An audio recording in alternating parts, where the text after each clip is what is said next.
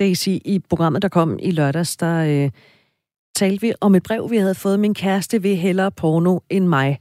Og Det noget af det, der sådan skinnede igennem, synes jeg, det var måske manglen på kommunikation. Det må man sige.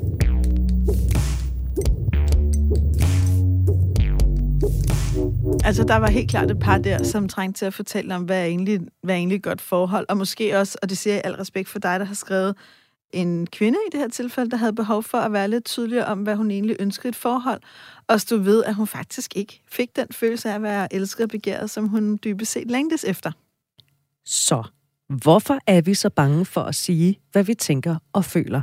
Det skal vi lige bruge nogle minutter på. Og vi kunne jo godt være lidt frække, så nu er jeg bare lidt fræk og siger, Britt, har du nogensinde oplevet at være bange for at sige, hvad du tænker og føler? Hele tiden. Ja. det har jeg gennem cirka 48 år, tror jeg. Og det har det hænger sammen med mange ting, tror jeg. Men specielt da jeg var lille, der fik jeg, og det tror jeg faktisk også, jeg har nævnt i et program, øhm, hvis det var, jeg blev ked af det, så blev jeg kaldt Tude Marie ja. af min mor. Så jeg fandt ligesom ud af, at jeg kom ikke så langt med det der med, når jeg var ked af det. Og så var det bedre bare i virkeligheden at gemme det væk, fordi så blev jeg ikke... Jeg følte mig lidt udskammet på en eller anden måde over, at jeg blev ked af det. Og så mit lave selvværd, det tror jeg egentlig er sådan ramme om, hvorfor, fordi jeg er bange for, at folk ikke vil holde af mig. Ja. Jeg er blevet bedre til det. Jeg er blevet meget bedre til det. Og der er nogle folk, ja, der kender mig, der siger, du er da ikke bange for at sige, hvad du tænker, fordi det sker der tit.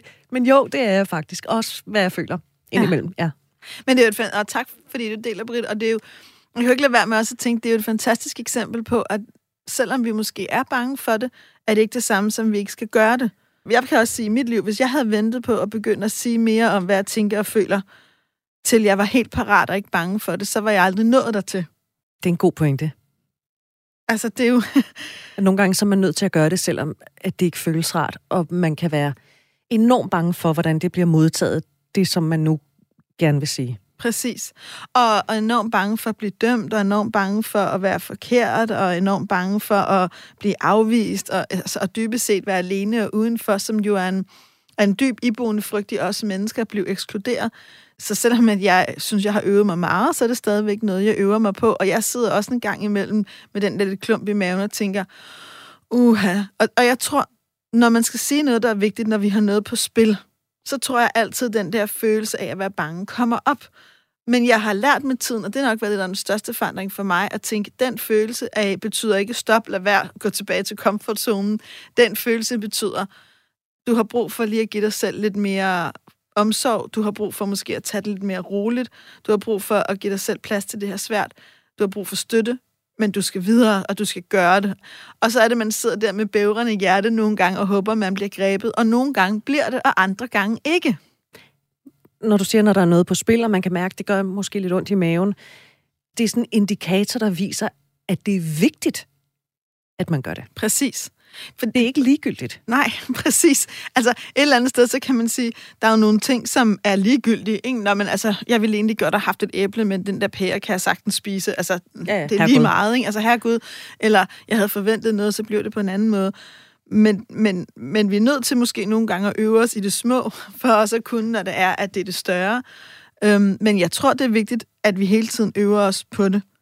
Og i virkeligheden også gennem det lag, og noget af det, vi også har snakket meget om i nogle af programmerne, det der med, har man et personligt sprog? Har vi, har du, har jeg et personligt sprog til egentlig at udtrykke, hvad det er, vi føler? Og det tror jeg, der er mange, der ikke har. Jeg tror faktisk, der er mange af os, som ikke har lært. Jeg selv voksede op, nu talte vi om barndom, i sådan en familiekultur, hvor hvis jeg udtrykte store følelser, og det har jeg ved Gud altid haft, så fik jeg at vide, at jeg ikke skulle skabe mig. Lad være med at skabe dig. Og hvis man ser på det sådan meget sprogligt, når jeg skaber mig, bliver jeg jo også det menneske, jeg er. Det er jo sådan en skabelse. Men, men det var en negativ ting. Nu går du ud over rammen, så skaber du dig. Lad være med det. Ikke? Ja. Jeg var meget klar over, hvad jeg må føle, og hvad jeg, hvad jeg ikke må føle, og hvad jeg må gøre, og hvad jeg ikke må gøre. Og det tror jeg, de fleste af os har noget med, hvor vi har fået meget sådan klart anvist, hvem vi måtte være. Og så det her med, hvis man blev øh, ked af et eller andet, eller man, man faldt, og man slog sig, og så begyndte man at græde, men det kan godt være, det ikke Altså, fordi man i virkeligheden bare gerne vil have lidt omsorg. Så var det heller ikke fedt at få at vide, nej, men hold nu op. Altså, det gjorde jo ikke ondt. Kom nu bare videre. Jamen, jeg har bare brug for, at du lige giver mig en krammer.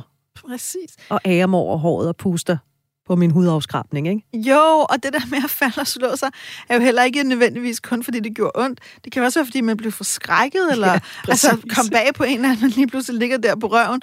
Og jeg tror jo, mange siger det der, øh, op igen, det gør jo ikke ondt i god mening.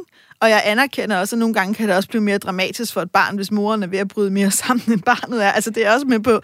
Men jeg tror også, der er noget helt fundamentalt i, at hvis vi tør møde vores barn, hvordan var det egentlig for dig? Du behøver ikke spørge barnet, der lige har slået sig, men giv dem plads, så giver du dem også en erfaring i, at de godt må mærke efter at være sig selv. De må godt føle. Præcis. Jeg kan ikke lade være med at få lyst til det, når vi snakker om det her.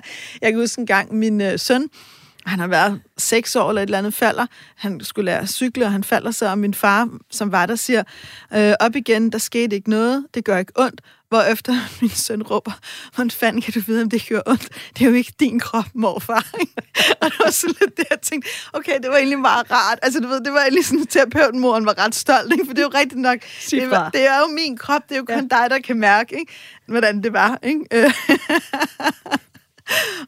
Men det er jo simpelthen så, så sårbart, det her med at sige, hvad man tænker og føler. Nu er jeg jo øh, modsat dig, Daisy. Du er jo godt afsat og har været det mange år. Jeg er jo sådan en single-type. Mm. Og hvis nu jeg møder et menneske, som jeg øh, får lidt følelser for, så er det også enormt sårbart at sige det, fordi hvad nu hvis at det ikke er gengældt? Hvad nu hvis man skubber personen væk? Hvad nu hvis man, du ved, ja okay, slap af, vi skal jo ikke giftes i morgen.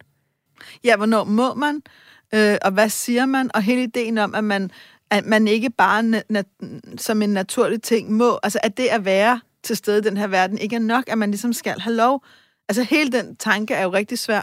Og apropos det par, som, eller den kvinde, der var udgangspunkt for den snak, vi havde med Søren Hein om porno, og, og hendes kærestes brug af det, så det er jo også meget tydeligt, at hun havde mange tanker inde i sit hoved om, hvad den her porno handlede om, men i virkeligheden måske ikke havde fået spurgt ham, hvad den handlede om for ham, og måske heller ikke havde fået sagt, prøv at høre, jeg bryder mig ikke om, at du ser så meget porno, eller jeg føler, at der går noget fra mig i vores forhold, når du ser porno, eller man kunne tage pornoen ud og sige, jeg savner meget mere opmærksomhed og nærvær fra dig.